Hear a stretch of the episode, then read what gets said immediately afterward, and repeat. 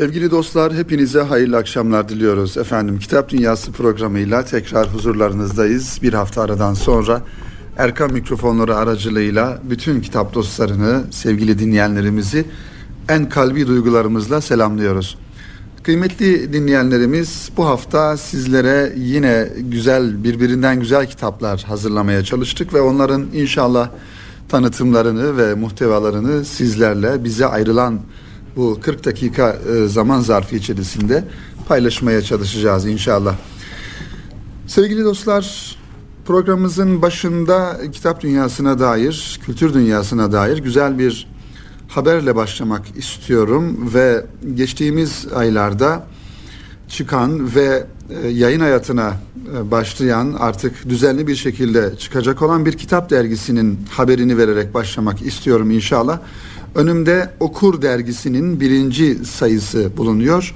Malumunuz programımızı takip eden dinleyenlerimiz hatırlayacaklar.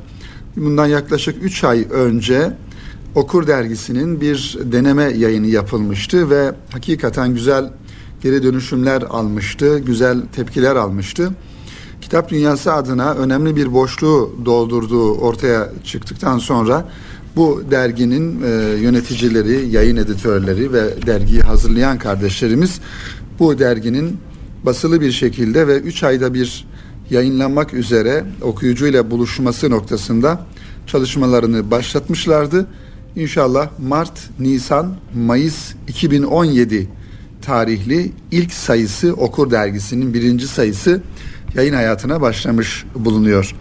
O yüzden bu güzel haberi ben sizlerle paylaşmak istedim. Şöyle derginin ana konusu, muhtevası nedir onlara kısaca bir e, göz atalım. E, inşallah ilerleyen programlarımızda şüphesiz bu Okur dergisinin muhtevasından faydalanacağız. Sizlerle bu derginin muhtevasını buluşturmuş olacağız. Derginin baktığımızda kıymetli dinleyenlerimiz 79-80 sayfadan oluşuyor. Önemli bir sayfa sayısı bir kitap dergisi için gerçekten ve kapak manşetine baktığımızda e, çok mu satıyorlar manşetiyle e, çıkıyor Okur dergisi ve Süleyman Seyfi Öğün Bey ile bir e, söyleşi yapılmış. Klasikler her 10 yılda bir tekrar okunmalı diye bir tavsiyesini görüyoruz. Süleyman Seyfi Öğün Bey'in arkasından Rasim Özenören'in ile yapılan bir söyleşi var. Zamanımızın bir seyyahı diyor e, Rasim Özenören Nazif Gürdoğan'ı anlatırken ve derginin belki de fikir babası ve derginin yayınlanmasında, neşredilmesinde gerçekten çok büyük katkıları ve emeği olan Mehmet Lütfi Arslan e, bir abimiz e, zin bir yazısını burada görüyoruz. Okudum, bildim deme başlığıyla bu e, yazılar kapak manşetlerine çekilmiş. Ve tabii ki hemen şunu ifade edelim. Yazının e, hazırlanmasında e, daha doğrusu derginin hazırlanmasında özellikle Yusuf Temizcan kardeşimizi tebrik etmek lazım. Ve yayın kurulunda bulunan Gökhan Gökçek, Hamit Kardeş, Salih Yüzgenç, Selim Tiryakioğlu, Süleyman Ragip yazıcılar da dergiye gerçekten emek veren kardeşlerimiz. Tabii ki tasarımı yapan arkadaşımızı, kardeşimizi de unutmamak lazım. Abdurrahim Yüce'yi de güzel bir tasarım e, yaptığından dolayı da tebrik etmek gerekiyor. Tabii kıymetli dinleyenlerimiz baktığımızda hemen o iletişim bilgilerini de vermeye çalışalım. Okurdergisi.com adresinden kolay bir şekilde ulaşılabilir dergiye, derginin muhtevası ile alakalı bilgiyi edinmek isteyenler için.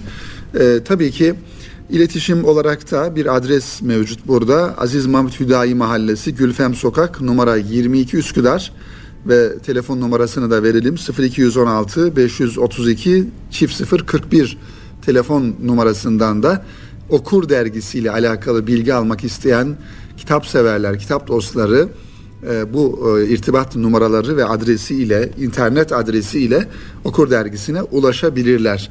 Bendeniz bu derginin sinyal sayısı yani deneme sayısı çıktığında da Kitap Dünyası programına e, dergiyi misafir etmiştik ve e, dergiden bahsetmiştik. E, bu tarz faaliyetleri özellikle kitapla alakalı çalışmaları, faaliyetleri önemsediğimizi ifade edelim kıymetli dinleyenler ve e, kitap adına yapılan her ne olursa olsun kitap çalışması, tanıtım çalışması, kitap e, seminerleri, kitap okumaları ya da dergiler bu manada kitap muhtevalı dergiler gerçekten kültür havzamıza önemli katkılar sağlayan bizim düşünce dünyamızı şekillendiren belki de bir yönüyle kültür mirasımızın ana taşıyıcıları rolünü, görevini gören unsurlar olarak gördüğümüzden dolayı bu dergiyi de inşallah sizlere aktarmaya, tanıtmaya çalıştık. Kitap Dünyası programının baş tarafında efendim. Sevgili dinleyenler ve kıymetli kitap dostları ilk kitabımızla inşallah devam edelim. Sizlere tanıtmayı düşündüğüm, hazırlamış olduğum ilk kitap e, kronik kitaptan çıkan Türkiye'mizin önemli bir tarihçisi İlber Ortaylı e, hocanın hoca ile alakalı daha doğrusu onun yazmış olduğu e, İlber Ortaylı Seyahatnamesi ismiyle kronik kitaptan çıkan bir e, seyahatname, bir gezi yazısı muhtevasında bir kitabı inşallah anlatmaya çalışacağım. E, bu kitabın tabii ki tanıtımına başlarken Italo Calvino isimli bir yazarın Görünmez Kentler isimli kitabının 64. sayfasından şöyle bir pasaj sizlere takdim etmek istiyorum. Diyor ki Italo Calvino göz bir şeyleri görmez. Başka şeylerin anlamını yüklenmiş şeylere ait şekilleri görür. Kerpeten dişçinin evini, kupa tavernayı, baltalı karga, karakolu, terazi pazarcıyı gösterir. Bu kalın göstergeler kabuğu altında kent gerçekte nasıldır, ne içerir ya da ne saklar? İnsan tamaradan bunları öğrenemeden çıkar. Dışarıda boş toprak ufuk çizgisine kadar uzanmaktadır. Bulutların koşturduğu bu gökyüzü açılır önünde. Rastlantı ve rüzgarın bulutlara verdiği biçimde insan şekilleri tanımaya hazırdır bile. Bir yelkenli, bir el, bir fil. Oldukça felsefi ifadelerle bir gezinin, bir seyahatnamenin daha doğrusu ruhunu anlatmaya çalışmış bize Italo Calvino Görünmez Kentler isimli kitabında. Calvino'nun görünmez kentleri birçok bakımdan görünür olmak için bize göre diğer kitaplara sızmış ve kitap, kitaplar üstü bir girişimle bir tür sızma girişimiyle kendini diğer kitaplarla bütünleştirmiştir. Bize göre bütünleştiği kitapların başında da seyahatnameler gelmektedir. Seyahatnameler geçmişten günümüze değerini yitirmeyen, mekan üzerine düşüncelerin aktarıldığı, geniş perspektiflerin aktarıldığı, geçmişte olduğu gibi bugün de merakla okunan türden eserlerdir. Seyahatnamelerin ilgiyle okunmasının birçok sebebi vardır. Ziyaret edilen şehirler ile ilgili görüşler aktarılırken bu görüş ve tespitler tarihsel, sosyolojik, ekonomik, dinsel, kültürel gibi birçok konuya değinilerek aktarılabilmektedir. Bu değiniler daha sonra tarihsel bir vesika olarak ele alınıp farklı eserlerin ortaya çıkmasına bir manada kaynaklık etmektedir. İşte kıymetli dinleyenlerimiz İlber Ortaylı Hoca'nın seyahatnamesi Suriye, Ürdün, İsrail, İran, Azerbaycan, Rusya, Kırım, Özbekistan, Tuna, Bosna, Makedonya ve devam ediyor ülkeler İspanya, Portekiz, Estonya, İsveç ve Singapur gibi ülkelere yapmış olduğu ziyaretlerin intibasını oralarda gözlemlediği olayları ve belki şahit olduğu o ülkelerdeki farklı hadiseleri anlattığı bir seyahatnameden oluşmaktadır.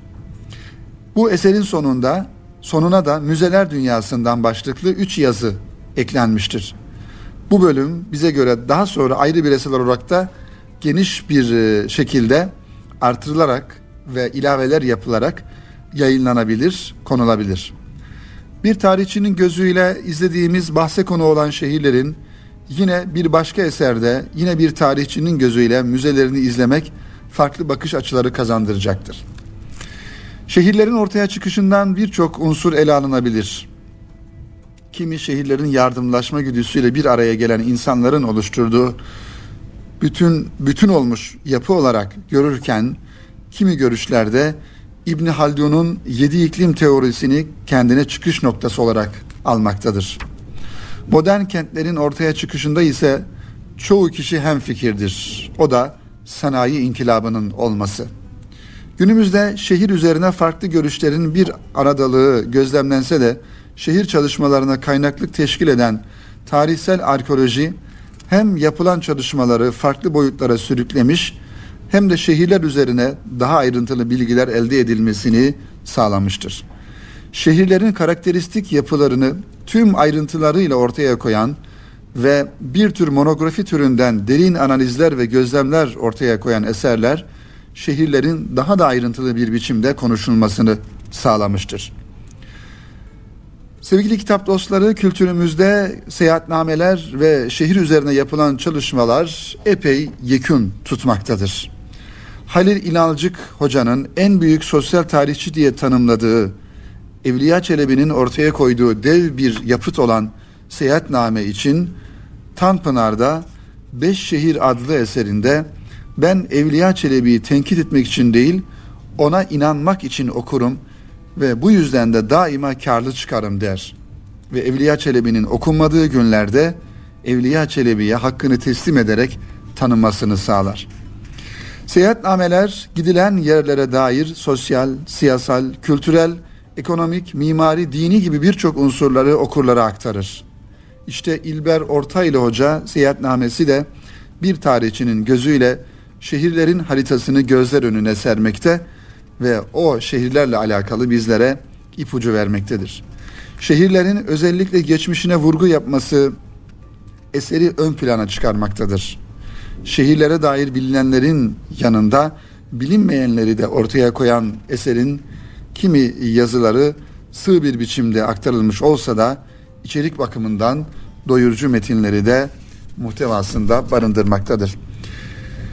Tabii ki tarihçileri bu yönüyle okumak kıymetli dinleyenlerimiz ee, özellikle kendi alanında ihtisas yapmış ve gerçekten söz sahibi olmuş e, insanların gezi notları bizim için belki gidip göremediğimiz, gezemediğimiz yerlerle alakalı oraları daha yakından tanıma noktasında yardımcı olmaktadır. Seyahatname denildiğinde az önce ifade ettiğimiz üzere bizim kültürümüzde aslında Evliya Çelebi çok önemli bir yer tutmaktadır. Hatta öyle ki birçok tarihi kitapta, tarihi e, dokümanlarda belki bulunmayan e, bilgilerin biz e, kaynağını, aslını Evliya Çelebi'nin seyahatnamesinde görüyoruz. Evliya Çelebi yazmış olduğu seyahatnamesini biliyorsunuz. Bütün o gezmiş olduğu yerleri biraz da ayrıntılarına girerek oraların sosyal hayatını, tarihi yönlerini, mimarisini, şehir hayatını ve e, insanların yaşayış şekillerini kitabına aktarmış ve bir yönüyle seyahatname bizim için en önemli bir tarihi vesika olarak günümüze kadar gelmiştir. O yüzden mutlaka seyahatnameler denildiğinde geçmişe ait Evliya Çelebi'nin seyahatnamesini başta bir okumak gerekiyor. Belki e, bazı bölümleri ya da bazı e, konuları bizim ilgimizi çekmeyebilir. Ancak bir bütün olarak dünyayı tanıma veya yaşamış olduğumuz coğrafyayı tanıma noktasında da e, okunması gereken kitaplardan bir tanesi. Öte yandan şunu da ifade etmek istiyorum kıymetli kitap dostları. Aslında İstanbul'da yaşayanlar için bunu özellikle e, söyle, söylemek istiyorum. Herkes kendi şehrinde bir e, Evliya Çelebi ruhuyla hareket etmesi ve kendi şehrini keşfetmesi noktasında bir gayret içerisinde olması gerekiyor. Bunun ızdırabını ve bunun eksikliğini aslında İstanbul'da yaşayan insanlar olarak bizler yaşıyoruz. Yani duyuyoruz daha doğrusu bu ızdırabı. Çünkü İstanbul'da İstanbul'da e, yaşayıp yani fiziki anlamda yaşayıp ama İstanbul'u yaşamadan e, bir ömrümüz bitiyor. Halbuki İstanbul'da görülmesi, gezilmesi gereken, bilinmesi gereken o kadar yer var ki, o kadar tarihi mekanlar var ki belki Avrupalılar bu konuda bizden daha çok İstanbul'u geziyorlar ve İstanbul'un gerçek manada yüzünü, güzelliklerini keşfediyorlar. O yüzden başta İstanbul'da yaşayan dinleyenlerimiz olmak üzere Türkiye'mizin farklı illerinde ki farklı illeri de her birisi kendisine göre çok güzellikler barındırıyor içerisinde.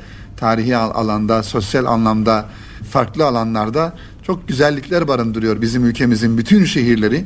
Onun için bütün dinleyenlerimiz bulunmuş oldukları şehirlerin en başta tarihi mekanlarını, mesire yerlerini, güzel yerlerini, caddelerini, sokaklarını, eski evlerini, arka mahallelerini mutlaka gezsinler, dolaşsınlar.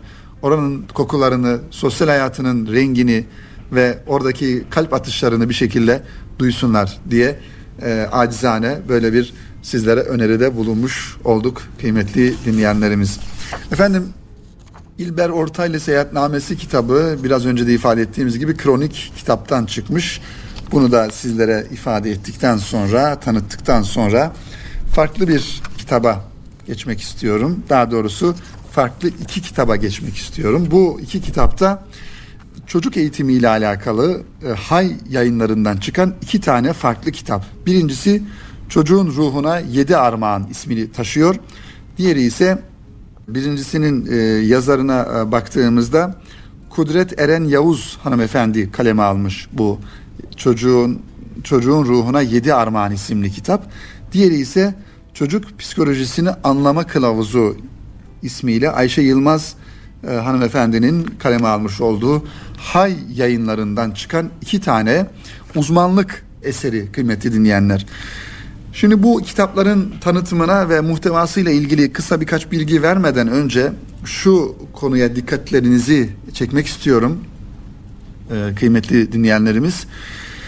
Tabii şehir hayatı beraberinde Üstad e, Sezai Karakoç'un da ifadesiyle balkon çocuklarını getirmiş oldu. Artık çocuklarımız belki bizler de şehir hayatının getirmiş olduğu şartlar itibariyle hayatımız bir yönüyle dört duvar arasında, e, evlerde, dairelerde, yüksek katlı binalarda ve camlı balkonlarda geçiyor. Buna çocuklarımız da dahil. Birçoğumuz ben eminim ki şu an çocuklarımızın oynayacak bir yeri yok, e, gezecek bir park yok e, yaşamış olduğumuz şehirlerde. Sokaklar daracık, arabalardan, insanlardan geçilmiyor noktalarında her zaman e, şikayetlerde bulunuyoruz. Maalesef modern çağın bize sunmuş olduğu işte şehir planlaması, şehir hayatının geldiği nokta burası. Hal böyle olunca çocuklarımızın eğitimi, çocuklarımızın ruhi sağlığı e, her geçen gün daha da karmaşık hale geliyor ve anne babalar olarak bizlere bu manada çok daha fazla görevler düşüyor. Yani çocuklarımızın daha sağlıklı çocukluklarını yaşayabilmeleri için ve ileride daha sağlıklı bireyler, insanlar olabilmeleri için bu yıllarda onların ruhi e, sağlıkları noktasında bizlere daha çok görev düşüyor. Eskiden yani eskiden dediğim hani bundan 20 20 30 sene öncesine kadar henüz daha şehirler bu kadar kalabalık değilken insanlar memleketleriyle, köyleriyle, bağlarıyla, bahçeleriyle biraz daha yakın temasta iken ve belki de şehirlerde, büyük şehirlerde geçim derdi bu kadar da fazla değilken insanlar yine de toprakla, ağaçla, çiçekle, böcekle hemhal olup bir şekilde o ruhi sıkıntılarını toprağın içinde olarak, hayatın içinde belki olarak, tarlada, bağda, bahçede olarak bir şekilde tolere ediyorlardı. Ama şimdi bakıyoruz ki gerçekten trafikte sıkışmış insanlar, binalarda sıkışmış insanlar, semtlerde, sokaklarda, caddelerde sıkışmış insanlar, alışveriş merkezleri tıklım tıklım ağzına kadar dolu e, haliyle bu şekilde e, yaşayan bir toplumda da stres, sıkıntı, depresyon, e, ruhi bunalımlar da bir yönüyle kaçınılmaz oluyor kıymetli dinleyenlerimiz. İşte bu şekilde şuraya getirecektim mevzuyu. Dolayısıyla bu şekilde e, ortamların olmadığı bir şehir hayatında artık anne babalar olarak bizim çözümlerimizi daha doğrusu dertlerimizi çözecek olan problemleri çözecek olan e, bilgileri maalesef böyle kitaplardan öğrenmek, kitaplardan okumak ve kitaplardan okuduklarımızı da uygulamaya çalışarak işte o istediğimiz anlamdaki sağlıklı bireylerin, çocukların yetişmesine e, gayret göstermek durumunda kalıyoruz. Halbuki eskiden büyük anne, dede, geniş aile vardı ve çocuklar o aile içerisinde irtibatları, sosyal alakaları bir şekilde daha da gelişerek büyüyorlardı. Şimdi çekirdek aileye dönüldü. Ee, anne baba çocuk belki kardeşi bile yok çocuğun veya bir kardeşi var. Böyle bir çıkmaz içerisinde dönüp dolaşıyoruz. İşte bütün bunlara e, karşılık olarak da e, Kudret Eren Yavuz Hanım'ın yazmış olduğu Çocuğun Ruhuna Yedi Armağan e, isimli kitapta bakalım neler ifade ediyor. Çocuk ve aile terapisti Kudret Eren Yavuz'un son kitabı Çocuğun Ruhuna Yedi Armağan çocuklarla anne ve baba arasındaki duvarları kaldırıp birbirlerini daha kolay anlayabilmelerine hizmet etmek ve çocuklarıyla birlikte geçirdikleri yılları onlar için daha anlamlı hale dönüştürebilmek niyetiyle yazıldı.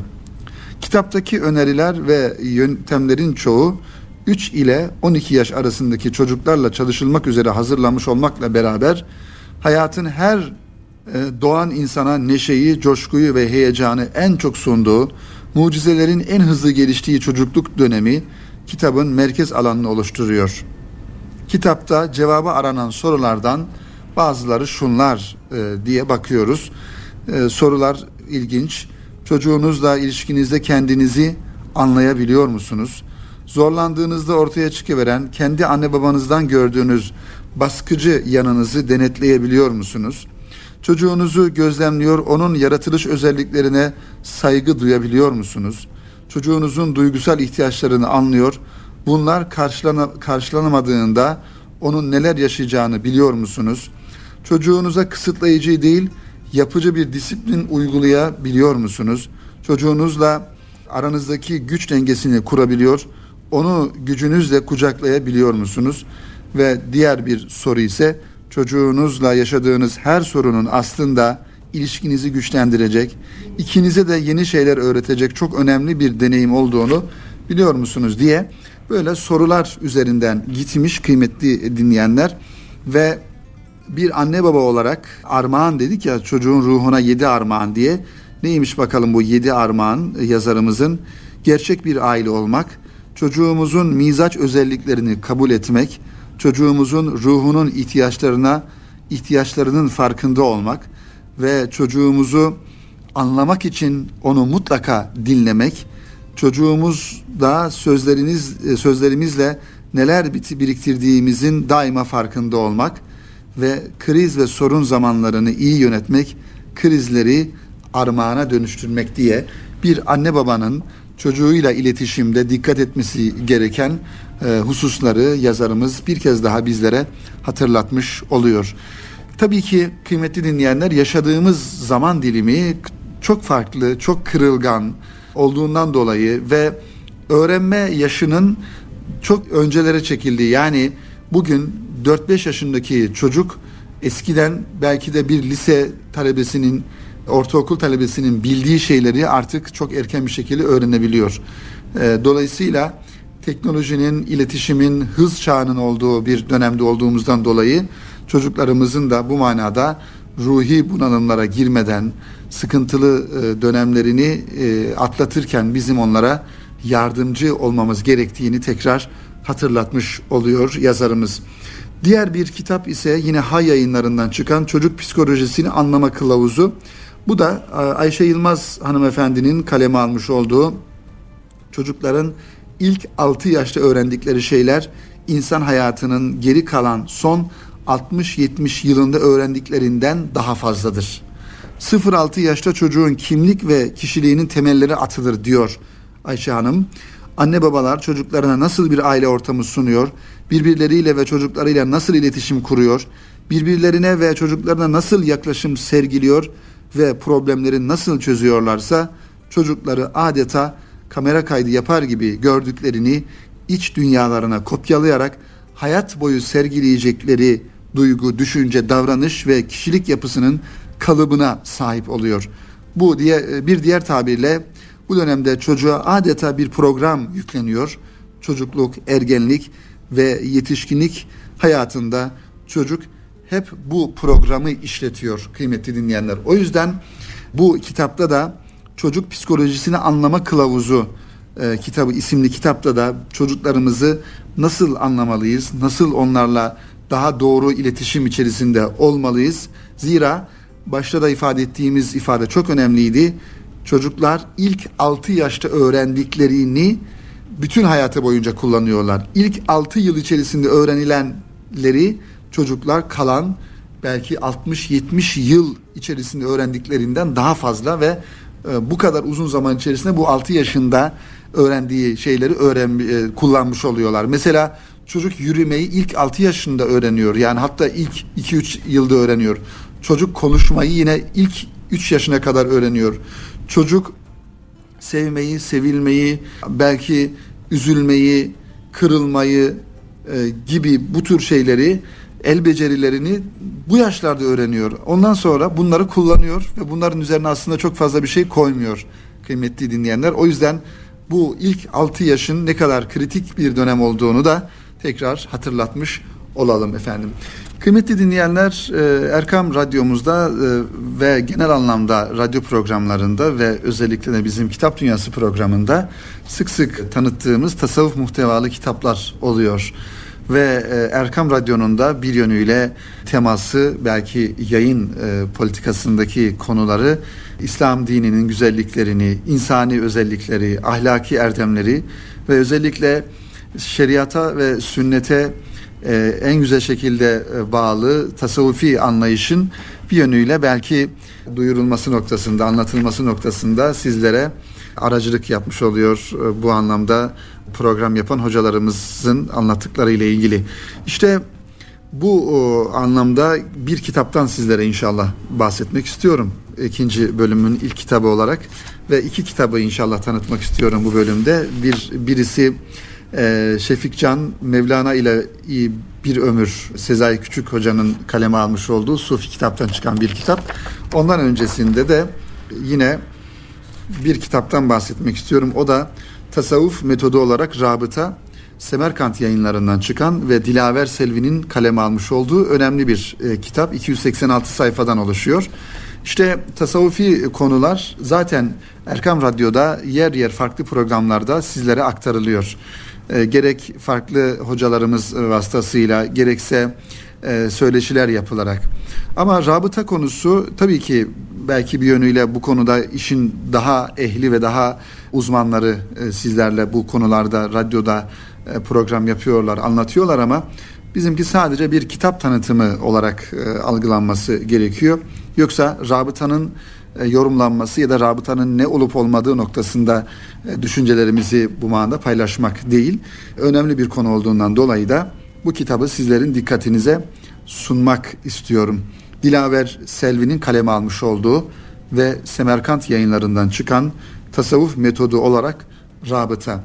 Ki rabıta konusu kıymetli dinleyenlerimiz malumunuz olduğu üzere tasavvufi çevrelere e, en çok eleştiri yapılan ve tasavvufu belki anlamadan e, rabıtanın ne olduğunu anlamaya e, çalışarak bir yönüyle bir takım ön yargılarla e, rabıtayı e, farklı şekilde yorumlayan insanların izlemiş olduğu bir yol. Halbuki rabıta öz ve özeti ifadeyle bir eğitim metodudur.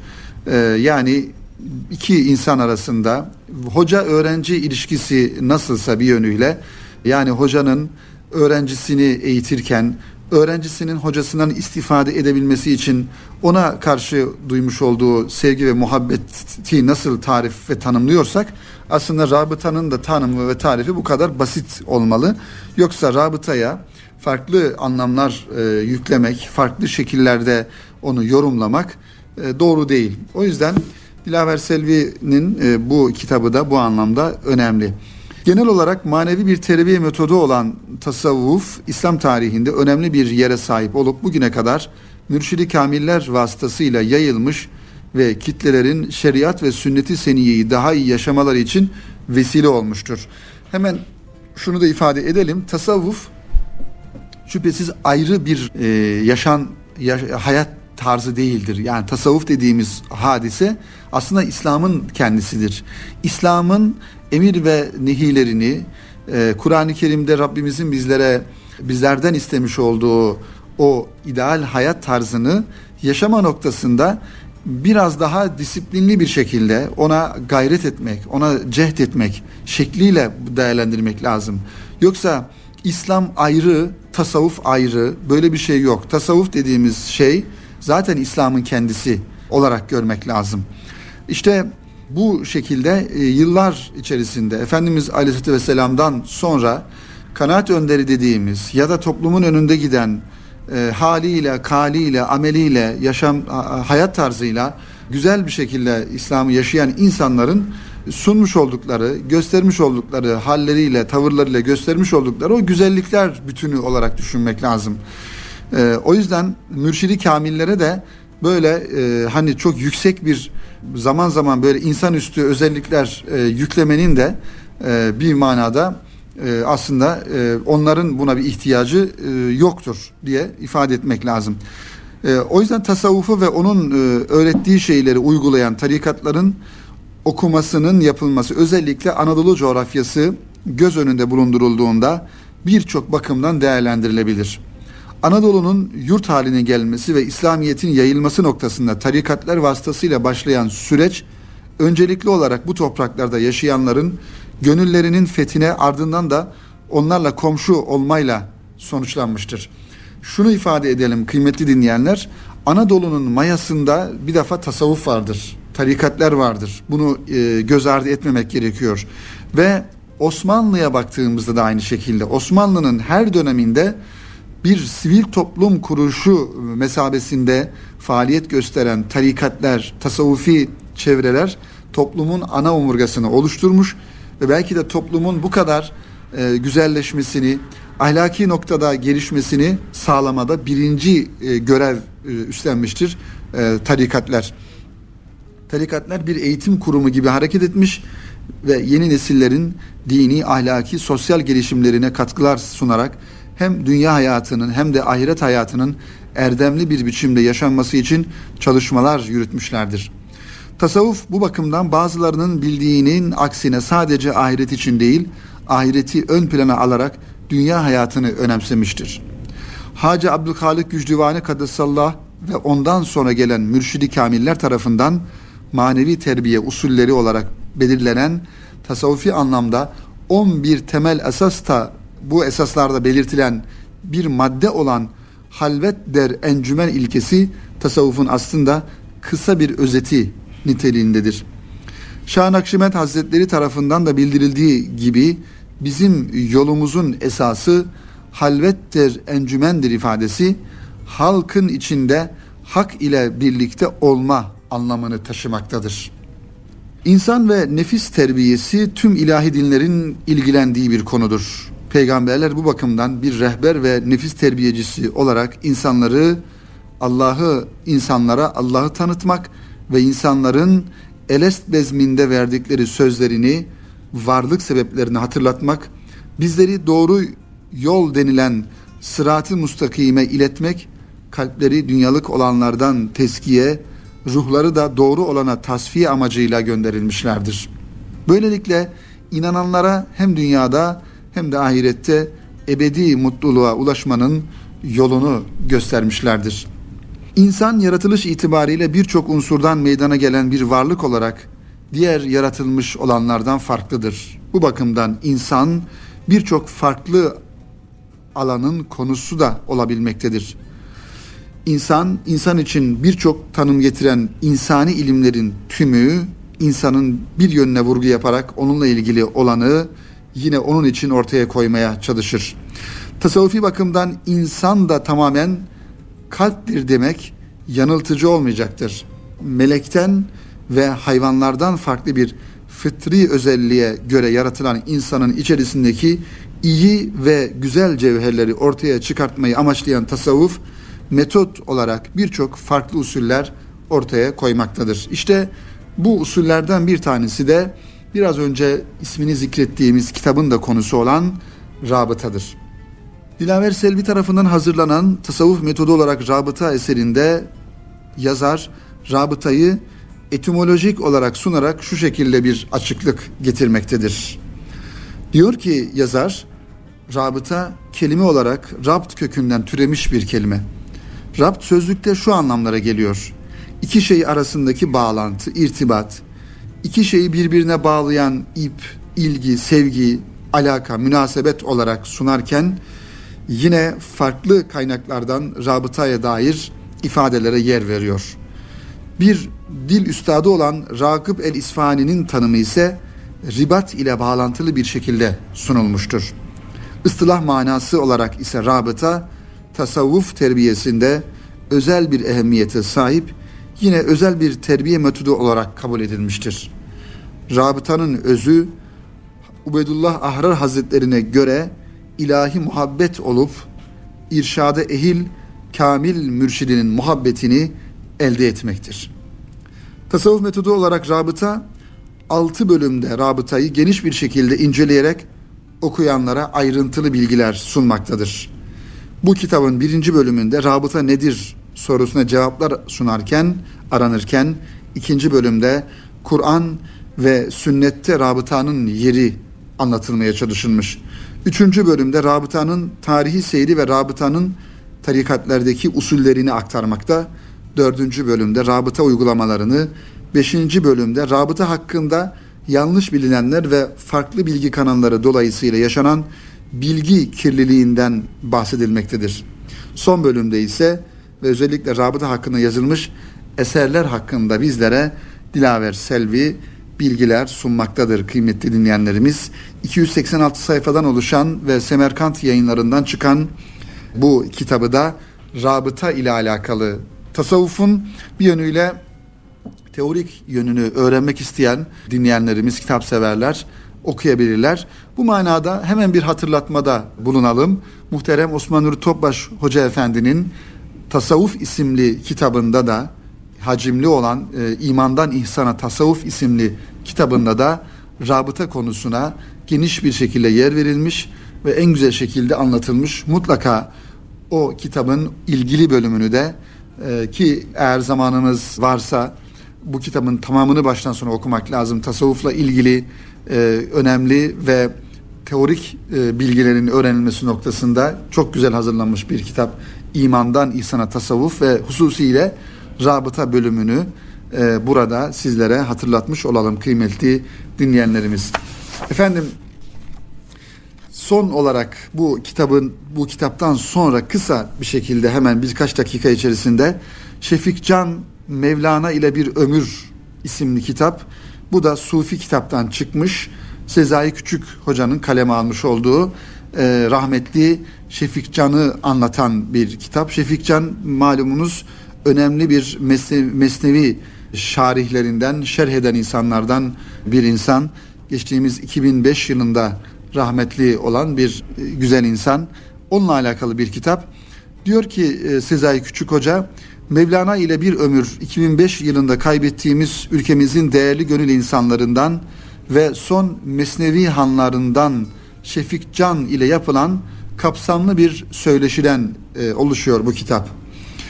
2000 yılında Konya'da yayınlanan bir derginin Sezai Küçük'ten Aralık 2000 sayısı için Mevlana dosyası hazırlamasını istemesi üzerine Sezai Küçük Hoca'nın Mevlana, Mevlevilik, Mesnevi ile ilgili konularda Şefik Can ile yaptığı röportajı ve daha önce farklı kişilerce Şefik Can'la yapılmış diğer röportajları içermektedir bu kitap.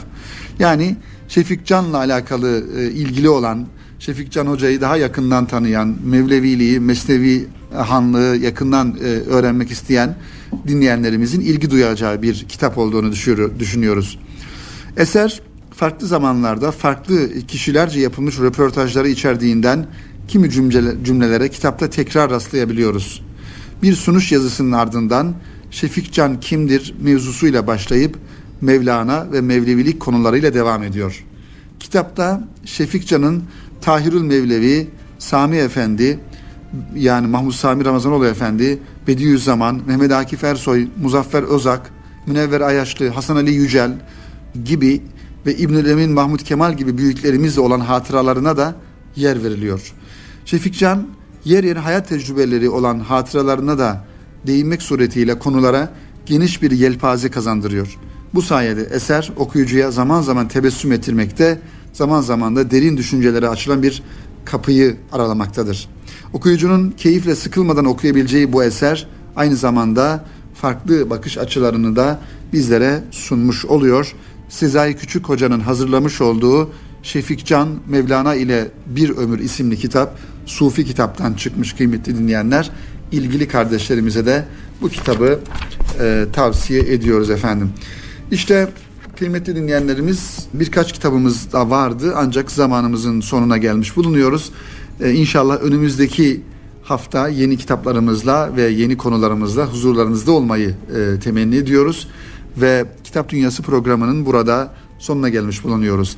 Bizleri başta İstanbul olmak üzere Türkiye'nin farklı illerinde, farklı bölgelerinde, yurt dışında dinleyen, dinleme zahmetinde bulunan siz kıymetli dinleyenlerimize tekrar tekrar en kalbi duygularımızla muhabbetlerimizi gönderiyoruz ve Erkam Radyo'da kalın diyoruz efendim. Hayırlı akşamlar diliyoruz.